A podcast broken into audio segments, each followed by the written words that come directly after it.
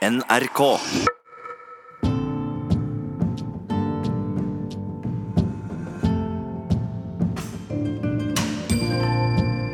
Dette er NRK P2. Tenk om vi ikke hadde begynt å reise på charterturer.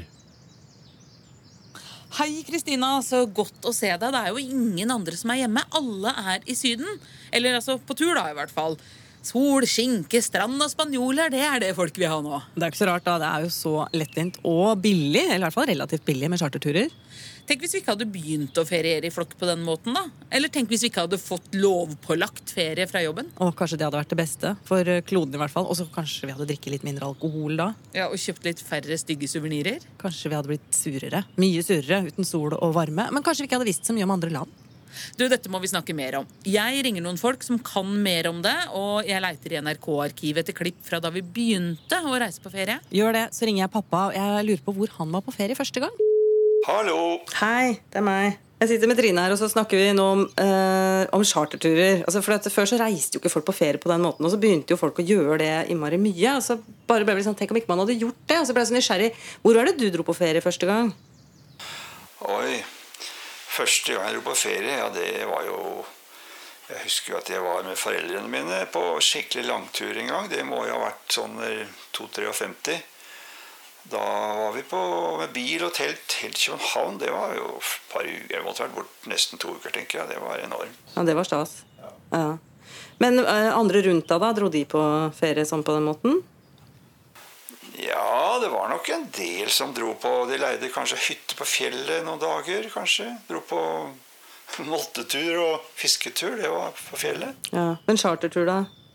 Nei, det Første mennesket jeg visst, vet som reiste på charter, det var en som jeg jobba sammen med. Og det var i 19...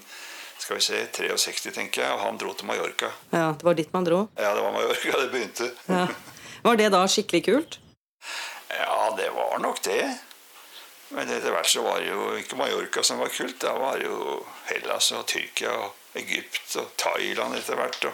Ja, Men, men skrøyt man av det? da? Ja, kanskje. Så lenge det var noe kult å ha vært på grisefest i Spania, og så lenge det var noe å skryte med, så kanskje noen gjorde det. Ok, nei, men du, det, Takk skal du ha. Vi snakkes, da. Ja, ha det bra. Ha det. Tenk om. Tenk om vi ikke hadde begynt å reise på charterturer. Med Kristina Ekelund og Trine Bråten.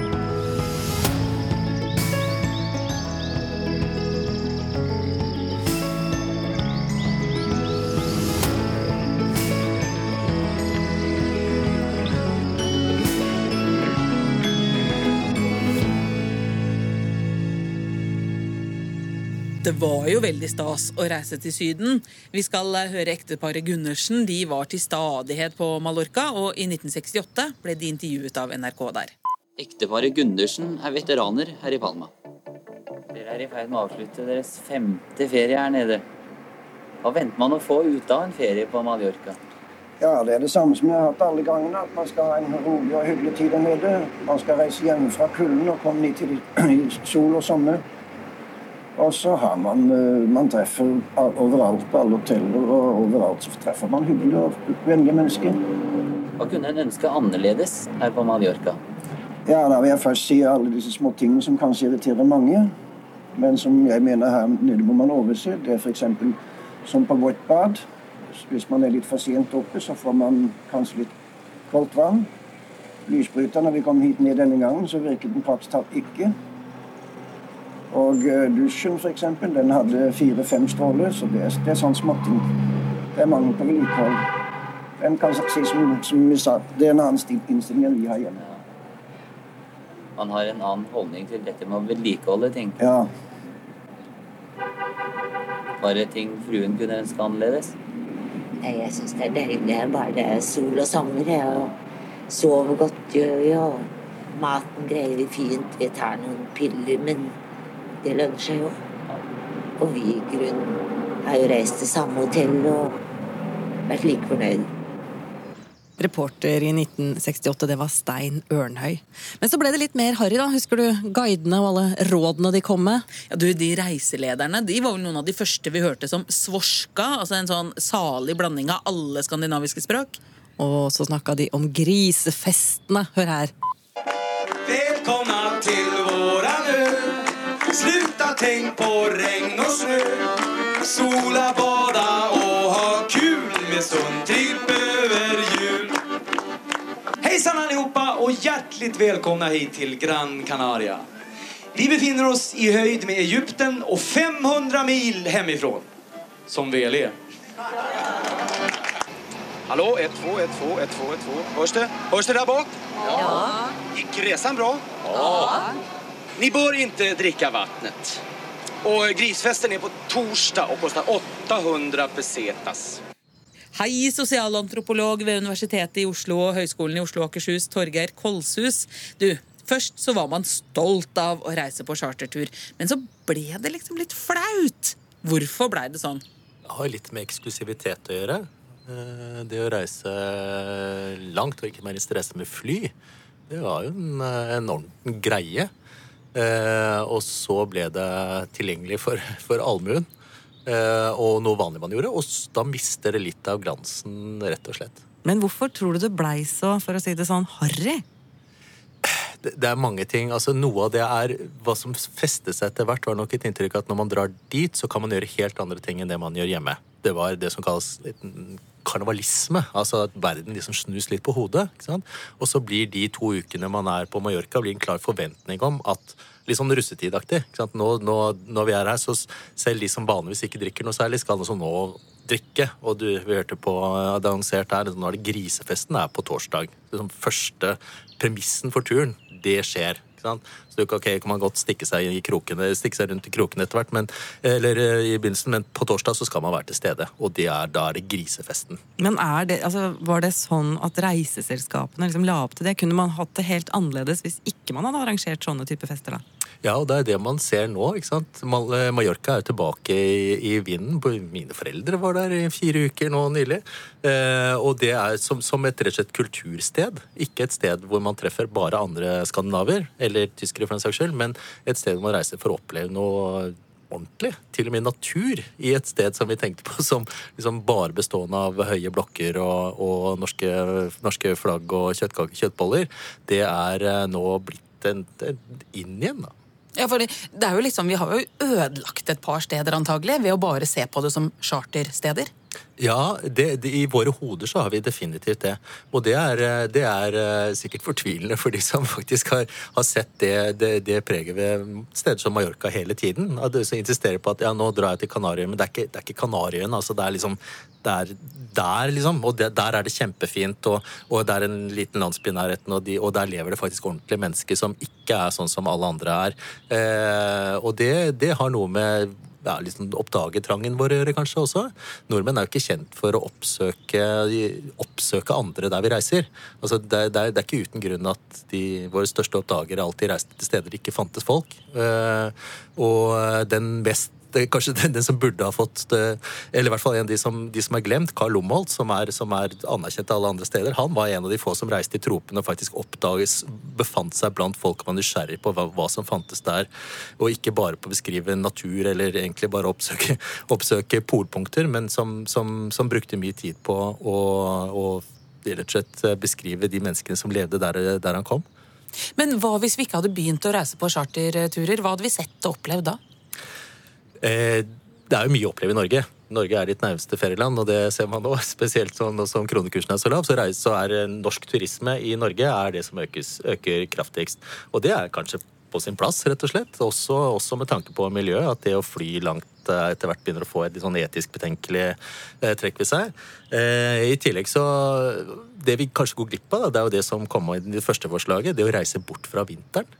Jeg er helt overbevist om at eh, charterlivet har reddet mange fra tunge depresjoner. rett og slett. For det å få sol på kroppen eh, En som meg, som drar bort stort sett sørger for å legge en konferanse inn hver, hver februar på et sted som er godt og varmt, det er, eh, det er en lise for sjelen. altså. Så vi hadde hatt mer depresjoner uten denne turismen. Ja, det er jeg ganske overbevist om. Ja.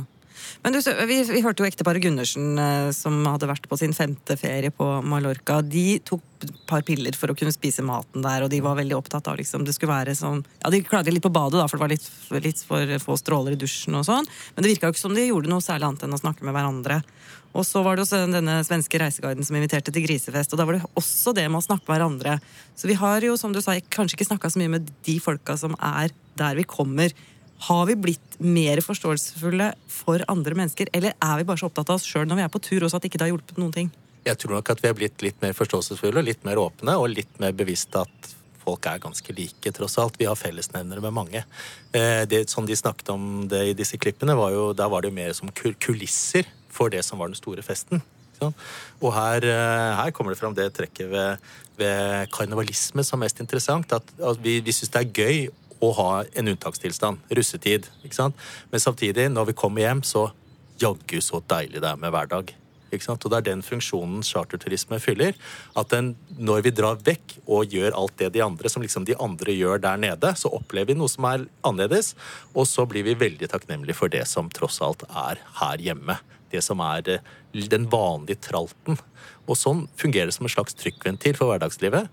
Og kanskje også trykkventil i en politisk forstand. At vi, at vi rett og slett blir ganske takknemlige for det vi, det vi ser på som kjent og kjært. Så uten masseturismen så hadde vi vært eh, ikke så takknemlige for hverdagslivet. Nei, rett og slett. Mer deprimerte og ikke så glad for hverdagslivet. Ja, så det er masseturisme. Vi har mye å takke masseturismen for.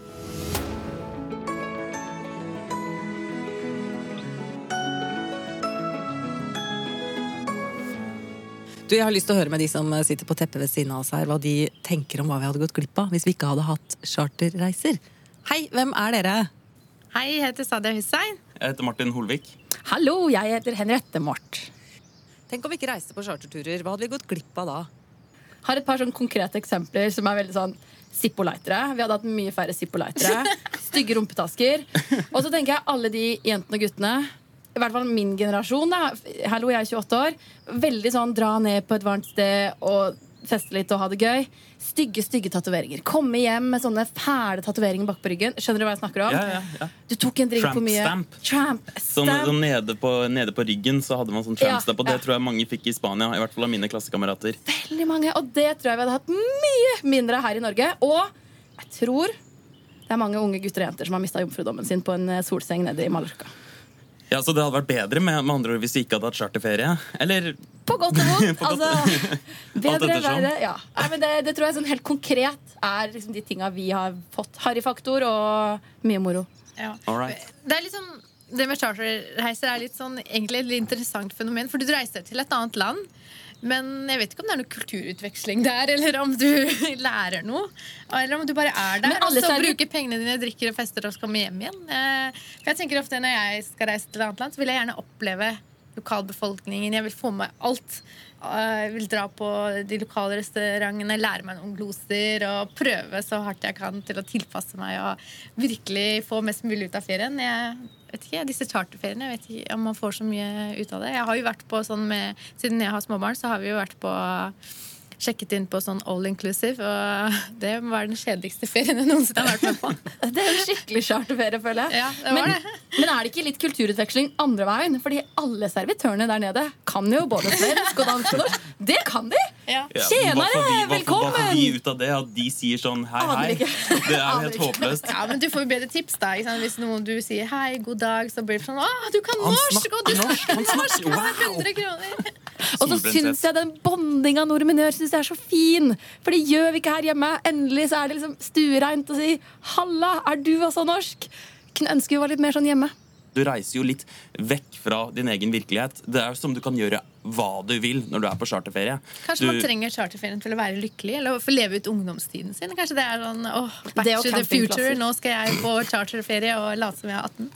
Jeg tror det er ja takk, begge deler. Det må reise litt annerledes. Jeg tror vi også trenger den derre Nå skal vi bare kose oss, nå skal vi bare slappe av, nå skal vi bare spise. Være litt harry og slappe av. du sier at du trenger bare det. Ja, kanskje. Men det er deilig innimellom å ta en uke med charter og bare åh, Ja. Selv om det er harry. Men tenk om vi ikke hadde hatt ferie i det hele tatt, da. Ja, Ordet ferie var jo et fremmedord helt fram til slutten av 1800-tallet, men i løpet av 1920-åra så var det flere og flere som fikk ferie inn i arbeidsavtalene sine. Men da var det jo andre problemer som dukka opp, for hva skulle man bruke all denne fritiden til? Det var det vel ingen som hadde tenkt på? Og jo da, direktør Ivar Giæver Krog hadde tenkt på det, og i 1927 så tok han grep. Det var jo et rikmannsprivilegium, kan man si, tidligere å reise. Da arbeiderne i 1927 fikk sine lovbefalte ferier, så um, var jeg oppe hos uh, redaktør Tranmæl, og uh, så spurte jeg ham er det gjort noe for å planlegge hvordan de skal utnytte denne ferien. Og Tranmæl, som hadde reist meget selv, sa han jeg beklager, sa han, det har vi faktisk talt ikke tenkt på, men hvis de kan komme med et forslag, så er vi åpne for det.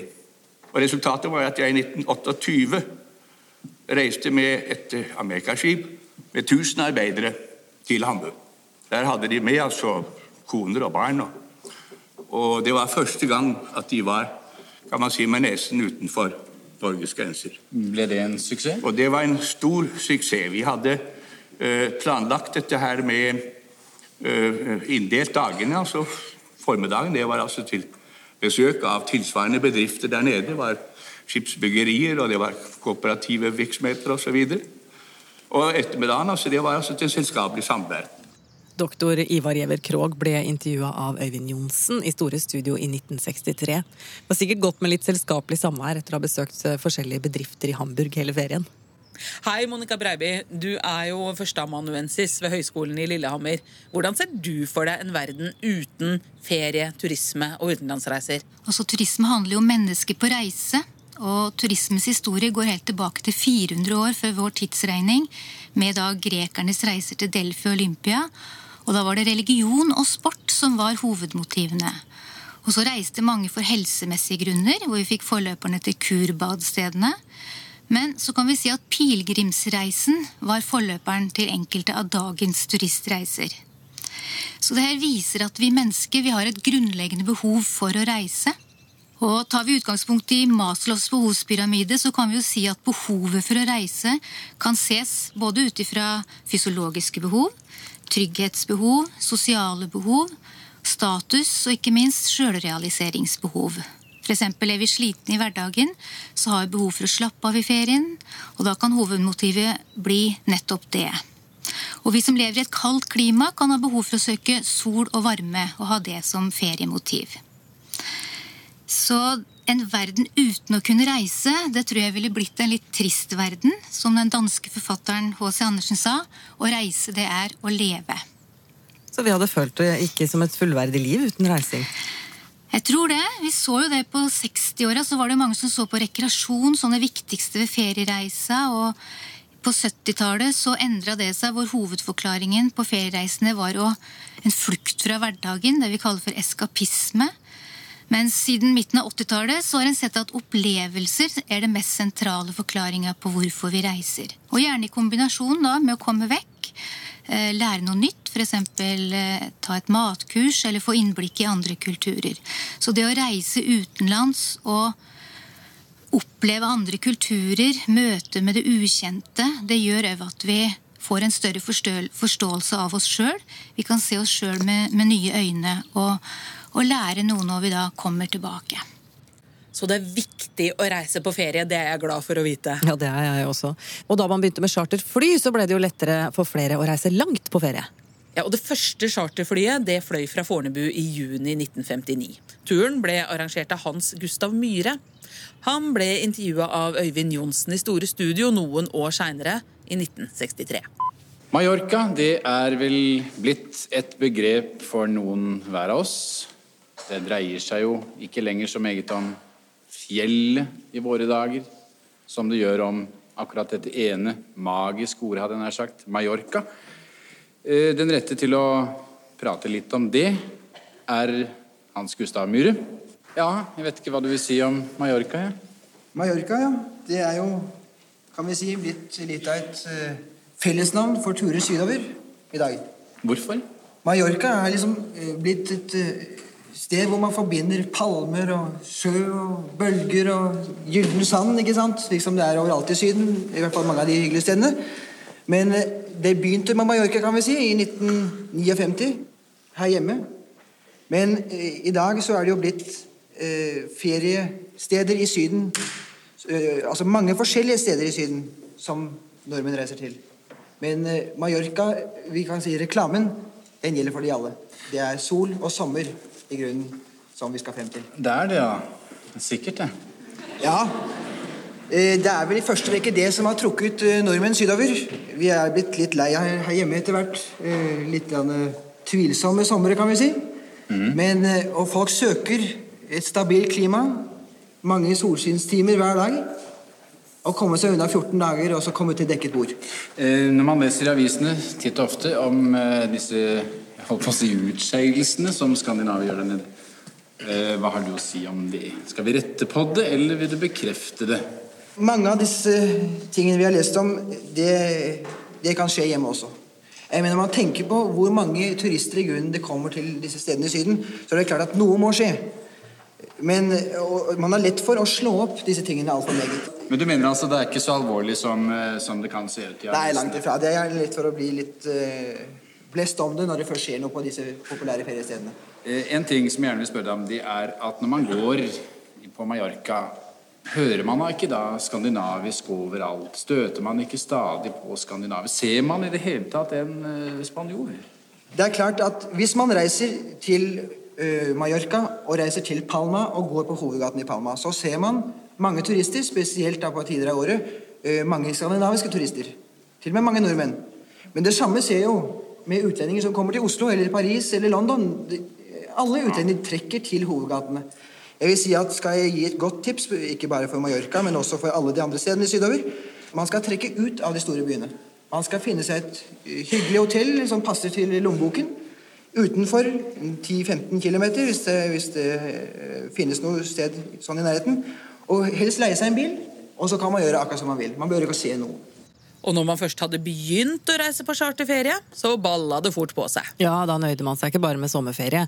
Høsten 1966 dro Dagsrevyen til et reisebyrå, og der traff de på folk som skulle på høstferie.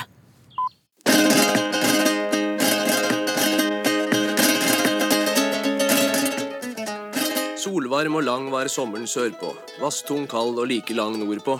Men både søringer og nordlendinger synes omtrent like interessert i å ta en ekstra ekstra solsommer på sørligere breddegrader i månedene som kommer. De hadde iallfall ingen vansker med å finne en kunde på reisebyrået som skal si høsten farvel. Jeg skal til Mallorca. Har de vært der før? Nei. Skal de reise alene? Jeg skal reise sammen med min kone og en sønn på fire måneder. Går det bra? Det jobber jeg det. Hvor lenge skal dere være borte? En uke.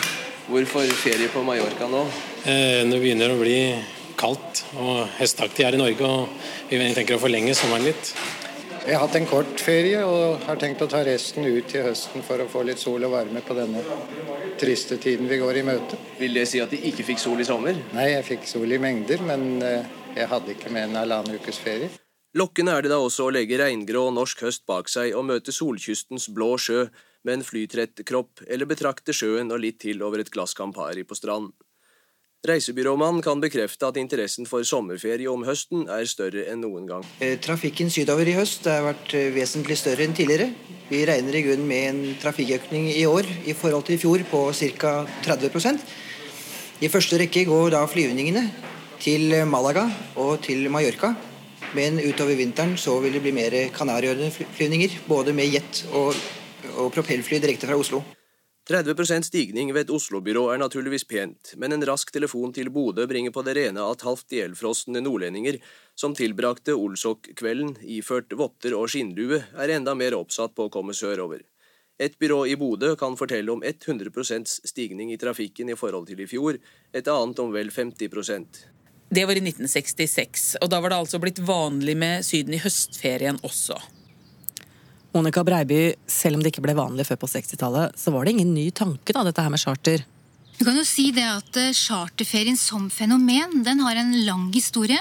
Allerede i 1867 så tilbød engelskmannen og pioneren Thomas Cook sin første pakketur eh, til den store Paris-utstillingen hvor både transport og overnatting og måltider var forhåndsbestilt.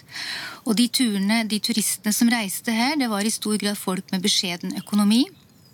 Og hans idé var da at eh, det skulle være en allemannsrett å reise og oppleve verden. det store gjennombruddet i Norge for eh, reiser til utlandet det kom eh, i 1960, og i begynnelsen av 1970-åra så var det en sterk vekst i antall feriereiser da med charterfly fra Norge, særlig til Middelhavet og Kanariøyene, og det som mange etter hvert da har betegna som Syden. Og det er da vi kan snakke om charterturisme. Du, Mange land lever jo av eh, turisme. Hva hadde skjedd med de landene hvis vi tok bort hele turistindustrien? Ja, Vi ser jo da at Reiseliv er jo en av verdens raskest voksende næringer. Og for land som Spania, Hellas og Thailand så utgjør jo turistnæringen en veldig sentral næring. F.eks. For, for Spania da, så utgjør turismen 10% av bruttonasjonalproduktet og 11% av sysselsettingen. Så jeg kan jo si at Hvis vi fjerner det, så vil det jo gå utover lands og mindre destinasjoners verdiskapning og arbeidsplasser. Det vil gå utover servicetilbud på steder som restauranter, handletilbud. Og I tillegg så har jo turismen positive virkninger da, på steder i form av f.eks. bevaring eller restaurering av gamle monumenter og historiske steder som nå har kommet på Unescos verdensarvliste, og som omfatter da både natur- og kultursteder. Men vi ser jo òg at det har en negativ side. Eh, ved f.eks. at noen kommer på de her verdensarvlistene eh, og er trua, så gjør det at flere ønsker å reise dit, f.eks. til vernede korallrev. Eh, og så turismen har jo flere negative forhold i forhold til dette med utslipp, forurensning. Men, men det kan være vanskelig å si noe om hva som er påført av reiselivet, og hva som er påført av andre aktiviteter. For hvordan var f.eks. det fysiske miljøet før de her reiselivsaktivitetene starta? Hvis vi, eller hvis vi tenker oss at vi ikke hadde begynt å dra på sånn At mange da begynte å dra på, på charterturer på den måten, hadde Norge vært smekkfullt av norske turister da? Eh, Ja, det kan være vanskelig å si noe om hva som hadde skjedd da. Eh, Men konsekvensen kunne vært at det var flere nettopp nordmenn som, eh, som ferierte i Norge, og også våre naboland Sverige og Danmark, som vi vet at det er flere som reiser til i dag òg. Og hovedmotivene til de som reiste, det var jo sol og bad, avkobling og nytelse. Og de var prisfølsomme og søkte trygghet. Og en som heter Plog, han skiller mellom psykosentriske og allosentriske reisende. Og de psykosentriske de oppsøker reisemål som oppfattes som trygge og velkjente. Mens de mer allosentriske de søker eventyrlyst og, og er villige til å reise til nye og annerledes reisemål. Så de som reiste på charterferie den gang, de var det vi kunne gå under betegnelsen psykosentriske. Eh, Men mye har jo endra seg, så de som drar på charterferie i dag, de kombinerer jo mye større grad flere aktiviteter som sykling og, og vandring. Og, og velger det kanskje i faser av livet hvor det er praktisk at alt er inkludert, da, som f.eks. småbarnsfasen. Men resultatene av at flere nordmenn hadde feriert i Norge, det kunne jo vært at vi hadde hatt kanskje flere campingplasser, eh, flere mindre hytter ved sjøen, som appellerer til et mer prisfølsom målgruppe. Det kunne kanskje vært flere badeanlegg. Eh, Vi ser jo det i noen enkelte større byer i Europa, hvor de har bygget store innendørs eh, sol- og badeanlegg, sånne tropiske tilbud. Eh, Det kunne òg være at flere nordmenn da hadde fått mindre reiseerfaring. De hadde vært mindre kritiske. De hadde jo da hatt færre opplevelser å sammenligne med. Det kunne ha påvirka f.eks. utvalget av varer i forretninger. Eh, Mange etterspør jo de samme varene hjemme som de kjøper på ferie. Eh, Og flere nordmenn hadde òg hatt mindre kjennskap til andre kulturer. Eh, Så det kan òg være en, en følge av det. Og kanskje litt mer naturslitasje i form av støy og forsøpling med mer. da. Ja, for hvordan hadde Lofoten og Prekestolen hatt det da, liksom? Ja, det kan nok være at flere hadde reist eh, nettopp både til Vestlandet og, og Nord-Norge av nordmenn, men vi har jo òg mange eh, utlendinger som også kommer dit, da.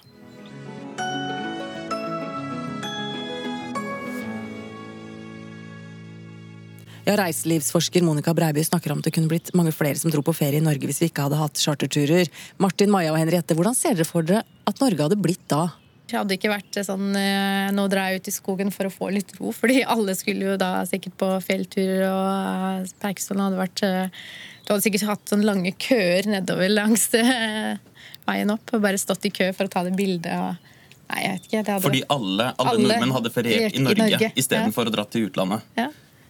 Det, det måtte jo gjøre det, da, hvis det ikke var noen charterreiser. Det hadde jo blitt flere norgesreiser. Vi hadde kanskje brukt hyttene mer. Ja, det hadde vi jo nok. De hadde ikke stått uh, tomme. Hadde vi fått flere type turistattraksjoner, flere badeland og flere museer Jeg vet ikke. Hadde vi, Kanskje mer liksom, sånn tivoli? vi hadde lagt inn mer penger her hjemme enn vi gjør i utlandet, så kanskje vi hadde fått det litt kulere her. da Litt mer sånn Kanskje Nord-Norge hadde blitt et uh, veldig sånn uh, et attraktivt turistmål for uh, oss som bor i sør. Ja. Hadde det, hadde det vært bra for norsk økonomi om vi ikke hadde hatt charterferie? For da hadde vi ikke brukt pengene i utlandet, men vi hadde brukt dem i Norge. Hadde norsk næringsliv gjort det bedre? ja, absolutt. Tror du ikke det? Jo, jeg tror kanskje det. Altså, Sånn eh, hval- hvalsafari i, i Lofoten Ja, det hadde vært spennende. Det det kunne vi ha prøvd nå. Ja. jeg tror det. I've never been there.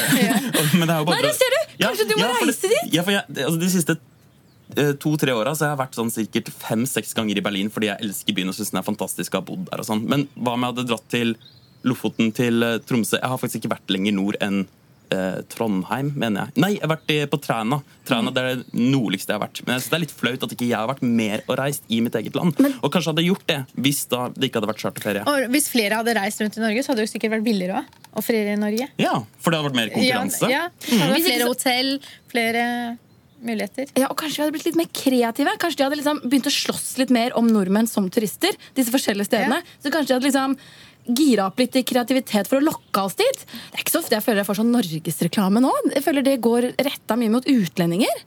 Kanskje Nei, altså, hvis du reklamerer for en norsk ferie, så er det jo eh, ta på deg anorakken liksom, eh, og gå i fjellet og traske rundt i fjellet. Kanskje hadde liksom, de vært litt bedre på å reklamere for kule ferieturer for unge, hvor man kunne gjøre alt det man gjør på charterferie. da.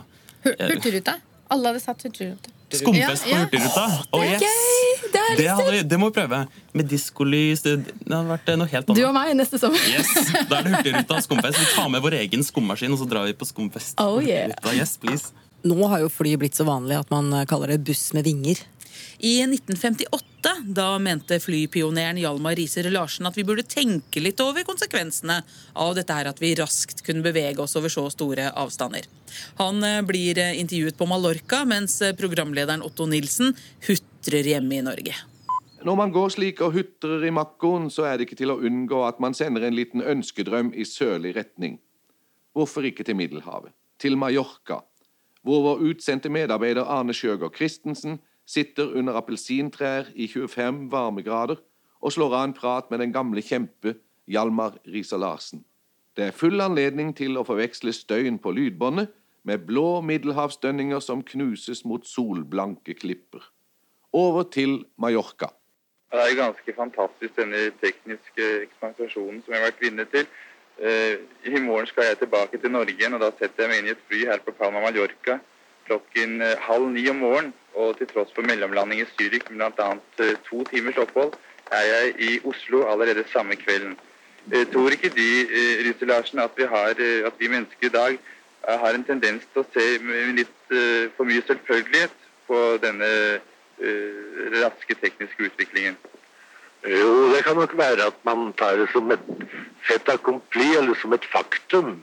Men menneskene burde også gå i seg selv og tenke hva det betyr at vi har fått disse hurtige kommunikasjonene eh, gjennom luften. Eh, Flymaskinen kjenner jo ingen landegrenser. og eh, Som de sier, Palma ligger en dagsreise vekk fra Norge. Det vil jeg si at Mallorca er nabo til Norge, sånn som alle folk i verden nå er naboer, og burde ta konsekvensen av det og prøve å leve i et godt naboskap. Mulighetene er der hvis vi bare ville ta oss sammen og ville oppnå det. Vi takker Riise-Larsen for praten og håper at han har funnet sitt Shangri-La i Middelhavet, at han slipper å dra på reise hver eneste natt i likhet med Ibsen, mot Snelands hytter fra Solstrandens kratt rider en rytter hver eneste natt. Og vi ønsker at han må få oppleve mange lyse, lykkelige år på sin øy i solen. Ja, Det sa altså programlederen i Søndagsposten i 1958, Otto Nilsen. Og Hjalmar Riiser Larsen ble intervjuet av Arne Sjøgaard Christensen.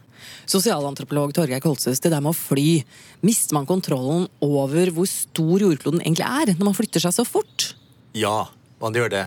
Eh, Jeg jobber eh, i Stillehavet, og faktisk i fjor så fløy jeg direkte til Så direkte som lar seg gjøre, altså en flyreise på 36 timer til Port Vila, som er hovedstaden i Vanuatu, som ligger mer eller mindre direkte på den andre siden av kloden.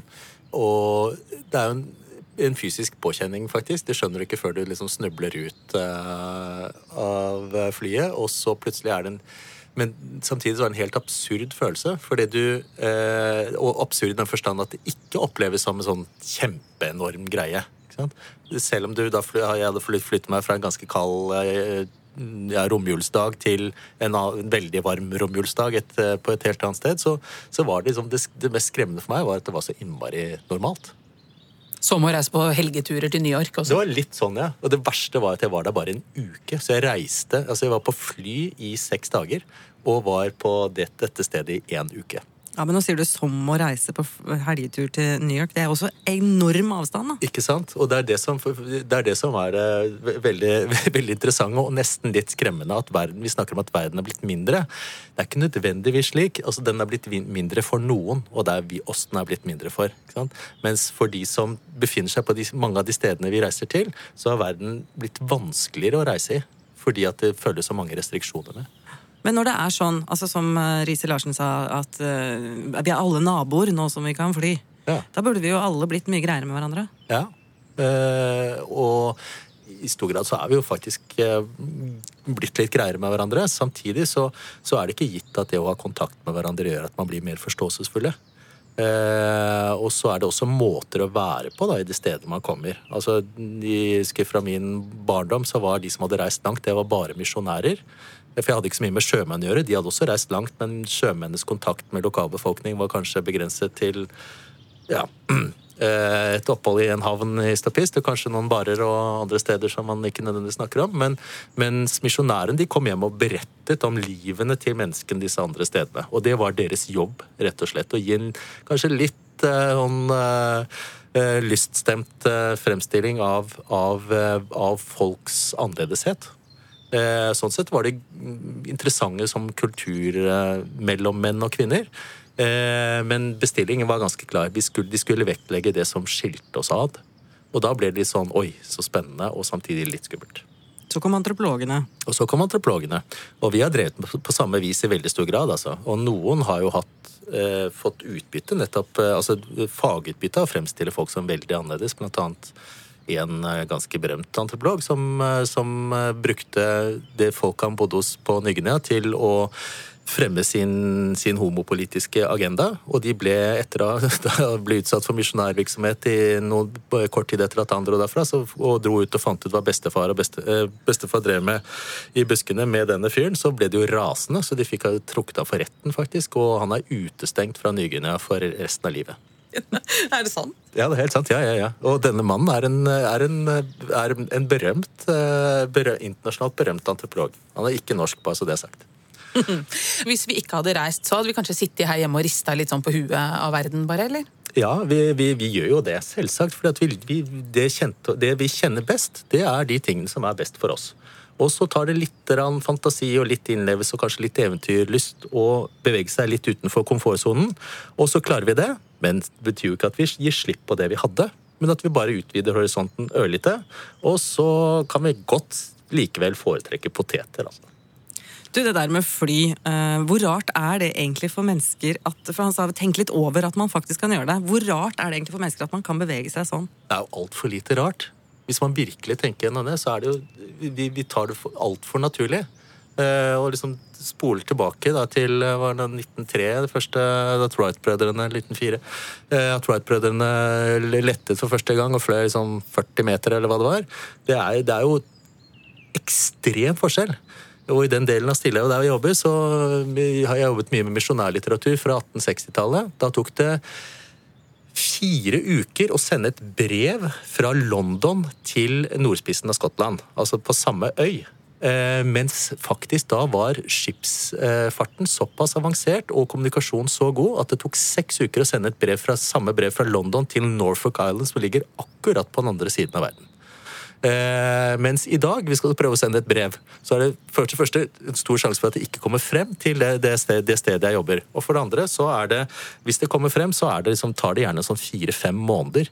Så når man snakker om at vi blir mer og mer sammenbundet, så er det igjen et, et, et, et globalt klasseperspektiv her. Den blir mer sambundet for oss. Mens den blir også mer avkoblet for en del andre.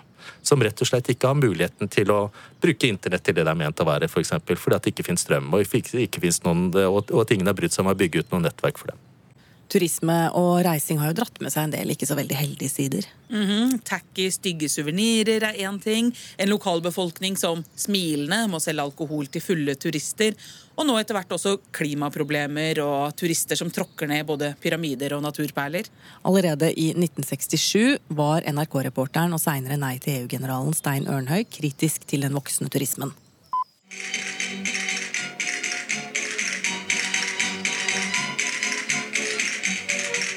På denne øygruppen fant i fjor 1,25 million turister stort sett en sol og varme de måtte savne i hjemlandet. Hit strømmer det året rundt folk fra hele Europa, ja fra hele verden. Det er ikke bare for skandinaver at Mallorca og øyene omkring er hovedmålet for fellesreiseturismen. Men hvordan foregår så denne moderne form for folkevandring? Naturligvis på den mest moderne måte, med fly. Natt og dag året rundt er det fly som lander og tar av. Palma de Mallorca har en av Europas mest internasjonale og mest trafikkerte flyplasser. Dette er avansert turistindustri. I blind forvissning om at strømmen vil fortsette, har en bygd denne enorme ekspedisjonssalen, slik at folk nærmest kan pumpes rett fra flyet og inn på reisebyråenes busser som venter utenfor. For den som venter at turistbrosjyrene Spania skal møte en med det samme en har landet, blir innreisen til Palma, hovedstaden på Balearene, litt av et sjokk. Brosjyrenes billedverden er godt skjult bak reklameplakater som pryder hele innkjørselen til byen. I det hele tatt vil virkeligheten være litt av en overraskelse for de som ensidig har næret sine forestillinger om Spania fra reisebyråreklamen. Og hotellkapasiteten øker. Siste år var økningen i antall sengeplasser langt større enn økningen i antall turister. Og dermed har en del begynt å merke presset. Man finner en viss engstelse for at gullstrømmen fra turistene kanskje ikke er evigvarende. Hva vil skje den dagen Spania nødvendigvis må tilby sine arbeidere anstendige lønninger, og de ikke kan konkurrere om turiststrømmen med de laveste prisene? Vil andre deler av middelhavskysten da trekke sterkere enn Spania? Burde en ikke heller investere mer i grunnæringene, i stedet for så ensidig å bygge et lands økonomi på, som en sindig mann uttrykte det, nådesmuler fra resten av Europa? Skulle ikke det å ønske turistene velkommen være noe et folk gjorde av sitt overskudd, og ikke for i det hele tatt å eksistere? Det spanske smil er i dag i ferd med å bli et smil for å overleve.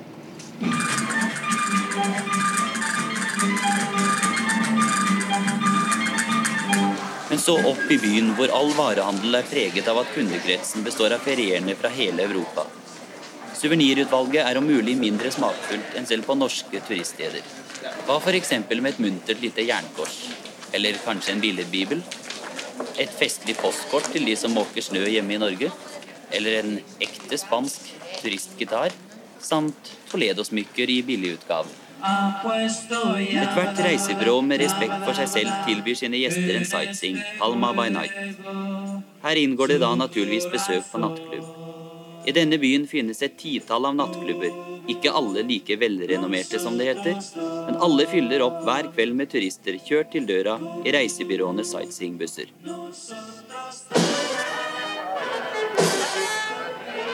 Alt for turisten. I utkanten av Palma i Can Pastilla er det bygd en egen tyrefekterarena hvor turister kan få prøve sitt mot og sin ferdighet. For en femkroners penger kan en få plage kalvene og selv prøve seg som toreador.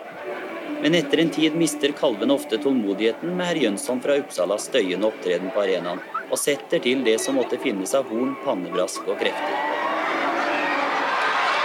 Men så fra den ublodige til den blodige tyrefekting, også holdt i live for turistenes del.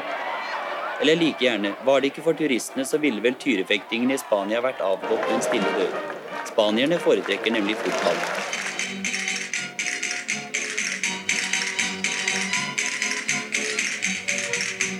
Reporter i 1967 var Stein Ørnhøi. Fredrik Hauge fra Bellona, du har kommet hit til teppet vårt. Tenk om vi ikke hadde hatt turisme. Hadde verden vært et bedre sted da? Det hadde i hvert fall vært noen mindre flyreiser og noen ganske stygge charterutbygginger. Og så syns jeg det er vanskelig å svare på, fordi det er jo veldig bra at vi besøker hverandre. Det er veldig bra at vi lærer hverandres forskjellige kulturer. Det er veldig bra at vi handler med hverandre. Og, og hvis ikke vi gjør det, så øker vi faren for krig, tenker jeg i min lille, enkle hjerne. Uh, og, og jeg er opptatt av å finne de riktige måtene, eh, ikke minst nå for Norge, å drive turisme på, fordi jeg tror vi har noen helt eksepsjonelle muligheter. Og en av de tingene vi, vi jobber mye med nå, er jo en elektrifisering av turismen. eh, Med, med å begynne i nisjemarkedet, men vi ser jo et enormt interesse. Og dette må gjøres riktig. Og så er det sånn at kundene i turisme er i ferd med å bli ekstremt miljøbevisste. Så hvis ikke vi legger det til grunn, så kommer ikke turismen til å gå særlig bra. Jeg tror ikke vi skal satse på masse turisme i Norge. Jeg tror vi skal satse på unike muligheter. Men jeg, men jeg syns, jeg det å si at folk ikke skal dra på ferie, det har jeg litt vanskeligheter med. Men kanskje når man drar på ferie, at man ikke drar på helgetur, men at man da samler opp og heller drar på en litt lengre tur, så blir det fort færre flyturer av det. Men klimaet hadde vært bedre hvis vi ikke hadde reist så mye. Ja, eh, nå utgjør vel flytrafikken i, i verden ca. litt over 3% av CO2-utslippene i dag, og så er den sammen med shipping ventet å øke, og det er også der vi har størst utfordringer med, å- med å finne miljøriktige alternativer. Ja, eh, alt forbruk i alle former eh, bidrar til miljøbelastning, så sånn sett så har du rett. Men igjen, det er viktig at vi forstår hverandres kultur. Det er viktig at vi forstår hver- eh, hverandres måter å leve på, forhold, forutsetninger. Så jeg er litt for at folk skal møte hverandre og treffe hverandre. Ja, da. Hvis vi hadde stoppa charterturismen helt sånn over natta, hvordan tror du det hadde blitt? Ja, da tror jeg at vi hadde fått eh, enormt trykk på andre typer eh, turistopplevelser, blant annet mye mer naturopplevelser osv. Men jeg har ikke filosofert så veldig mye over det, fordi det å, det å stoppe charterturismen har ikke vært det som på en måte har stått først på agendaen vår. Vi jobber veldig mye nå med å finne alternativt drivstoff. Vi ser på mulighetene for å bruke tang og tare, som vi nå er i gang med å produsere, til å lage flydrivstoff. Det kunne vært gjort miljøvennlig. Vi jobber med å se på produksjon av mikroalger osv. Den type saltvannsbasert biodrivstoff som ikke kommer i konflikt med, med naturmangfold og, og mat- og ferskvannsproblematikk. Så det, det er vår løsning på det, og vi tror det er kanskje en, eh, sted, en måte å oppnå mer resultater på enn å prøve å stoppe charterturisme. Men mange natursteder har blitt ødelagt av turismen, er det ikke det? da? Ja, absolutt. Og, jeg tror at eh, Norge skal passe seg veldig blant annet for ut... Jeg, jeg syns det er fantastisk at hele verden kommer opp og besøker Lofoten. Eh, fordi at det lærer også folk å ta vare på naturen. Vi skal jo vise fram det, det vi slåss for. Eh, men det er jo i ferd med å utvikle seg masse turisme rundt dette. Vi ser eh, Geirangerfjorden, Nærøyfjorden. Det er klart at eh, turistopplevelsen i Geiranger og Nærøyfjorden er, er kraftig redusert pga. all eksosen som spys ut av, av turistbåtene. Og det var fantastisk morsomt nå nettopp å, å være med Fjords, som driver med turisme der, og lansere at vi nå bygger den første elektriske turistbåten for å gå i disse verdensarvfjordene.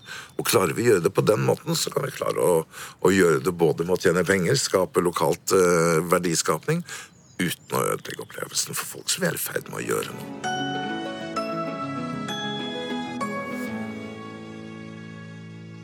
Du, Før vi pakker sammen for i dag, vi har jo ikke snakka noe om maten. Ja, det er sant. Tror du hvis eh, vi ikke hadde reist så mye som det vi gjør, at vi ikke hadde visst om og kjent til og spist mye av den maten vi gjør i dag? Tapas og moussaka og curry og sånn? Kanskje. Vi kan jo høre med Runar Døving. Han har forska på både mat og charterturisme.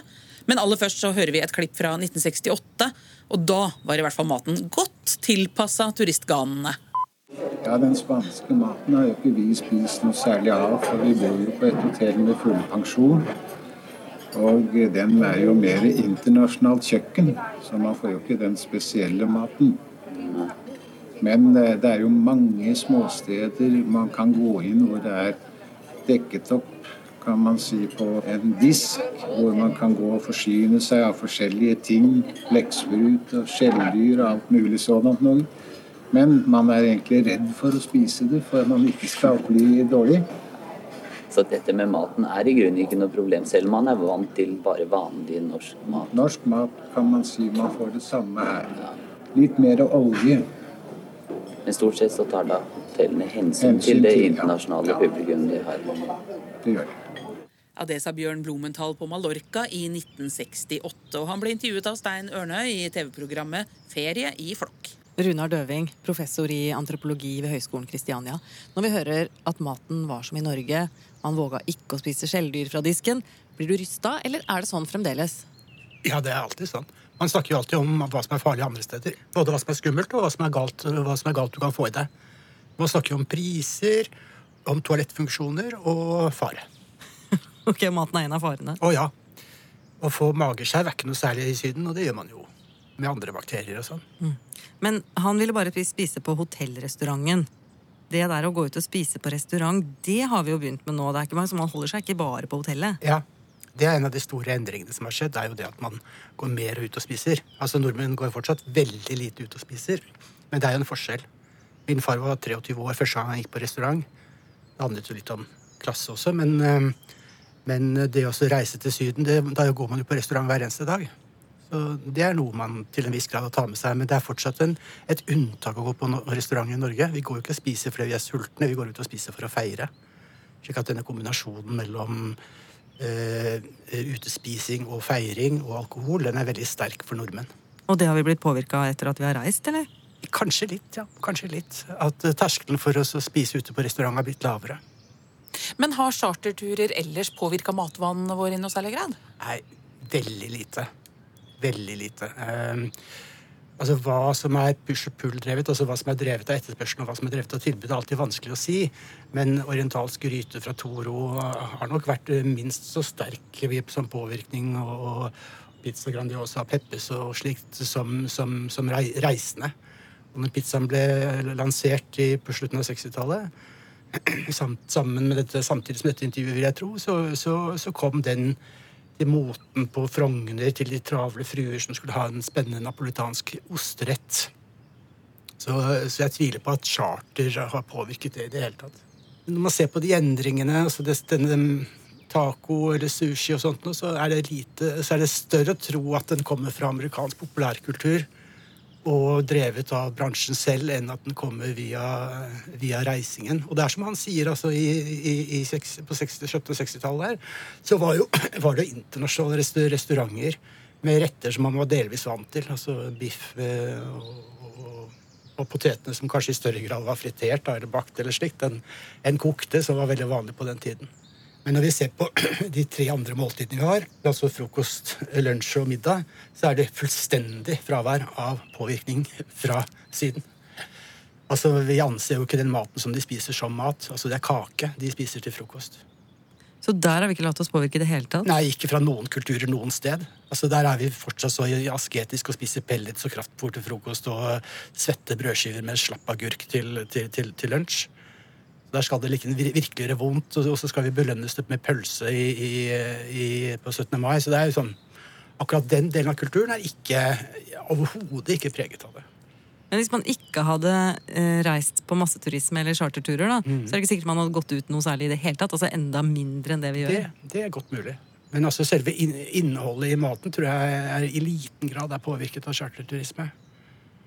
Og Snarere tvert imot, egentlig. For man ser jo det at man altså at at det er ganske mange svenske kjøttboller og, og, og norske puber og sånn der nede. Og det er veldig stas.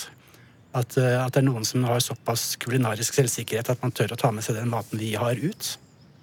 Men da, da er det jo veldig mange som ser ned på det. liksom, Jeg drakk ikke til Syden for å spise kjøttkaker. Jeg drakk ikke til Spania for å spise kjøttkaker. Men at italienere kommer hit og spiser pizza, det er liksom helt ok. Men ville verden eller Norge vært annerledes uten denne charterturismen og sydenturismen? Ja, det, det ville det jo definitivt. Eh, fordi at uh, nordmenn er jo, er jo veldig opptatt av ferie. Så hadde ikke flyet funnes, for eksempel, så hadde vi jo reist på andre måter og kommet mye kortere. Det er klart at det er mye bedre klima i Middelhavet enn her oppe. Eh, så man hadde jo trukket sørover på andre måter, og kanskje man hadde reist med tog eller noe, noe annet. Og, men, men altså, i begynnelsen så var jo, var jo charterreisen veldig dyr. Så da også var den, hadde en litt sånn luksusbrev. Etter hvert så ferien ble demokratisert og, og prisene falt og, og, og eh, arbeiderklassen fikk, eh, fikk, eh, ferierettigheter, så begynte de å reise på samme måte og begynte å overta dette. slik at, at, at det er jo campinglivet som, som, gikk ned, og sydenreisen som, som kom istedenfor. Og Derfor så ble også Syden sett på som ganske harry til å begynne med. ikke sant? Helt fram til ja, det er ikke mer enn 15 år siden det begynte å liksom svekkes at alle kan dra, kan dra uten å måtte skamme seg for å dra. Ja, For det er slutt på det, mener du? Ja, det har blitt mye mindre av det. Eh, Det er fortsatt sånn at Syden er, eh, kan være et skjellsord noen steder, men, men det er mye mindre av det enn når jeg studerte dette her på, på, på begynnelsen av 90-tallet. For lenge siden, da man hadde kortere ferier, så dro man kortere, ikke så langt i avstand. Og så gjorde man alltid noe som var liksom litt godt for deg. Som gåtur i fjellet eller fisketur. Det skal være noe fornuftig rundt det, da. Er det helt borte, eller må man fortsatt det? Det er, det er det samme, men det er litt, akkurat det spørsmålet der er litt klassedelt. For det er sånn, Man kan tenke oss et skille mellom vacation og holiday. Slik at det er sånn typisk sånn borgerlig middelklasseting om man står på sånne ruinferier. Og, og eventuelt å jobbe, da. Liksom, eller sånn at du skal, opp, at du skal oppleve noe spesielt. Liksom. Du, skal se du skal lære noe. Det er educational. Mens, mens denne holidayen er at, at, at fritid er en fest. Og at da skal du først og fremst drikke og ha det gøy. Og, og, og det var jo et forsøk, liksom hele den camping Hele den biltanken og campingtanken var jo et forsøk på, på å utdanne arbeiderklassen. Eller et sånt paternalsk prosjekt om at, at arbeiderklassen skulle dannes. Det er kanskje, kanskje Men det er mulig at, at du har litt rett. At det er en, at det er en eh, At dannelsesaspektet ved ferien har kanskje blitt eh, svakere. Det er i hvert fall ingen som tør å ytre det lenger. For man, det er ikke lov til å ha den paternalske holdningen til andre, til andre grupper. Altså, Jeg kan ikke fortelle meg hva du bør gjøre. Og den liberaliteten den oppdaget jeg veldig ofte der i Syden også. Du, du må gjerne dra til Jotunheimen og gå en tur i fjellet, men her ligger jeg, og det er her jeg gjør som jeg vil. Så det er en veldig sånn styrke i å dra til Syden, fordi det er så langt unna, så du blir ikke sett. Det som skjer på Gran Canaria, stays in Gran Canaria. Ja, Bare at du møter naboene dine, selvfølgelig. da. Ja, det risikerer du jo selvfølgelig. Men da kan du, gjøre, eh, da kan du bonde med naboen med å gjøre noe du ellers ikke ville ha gjort. Så snakker man likevel ikke om det når man kommer hjem? Ja, ikke sant?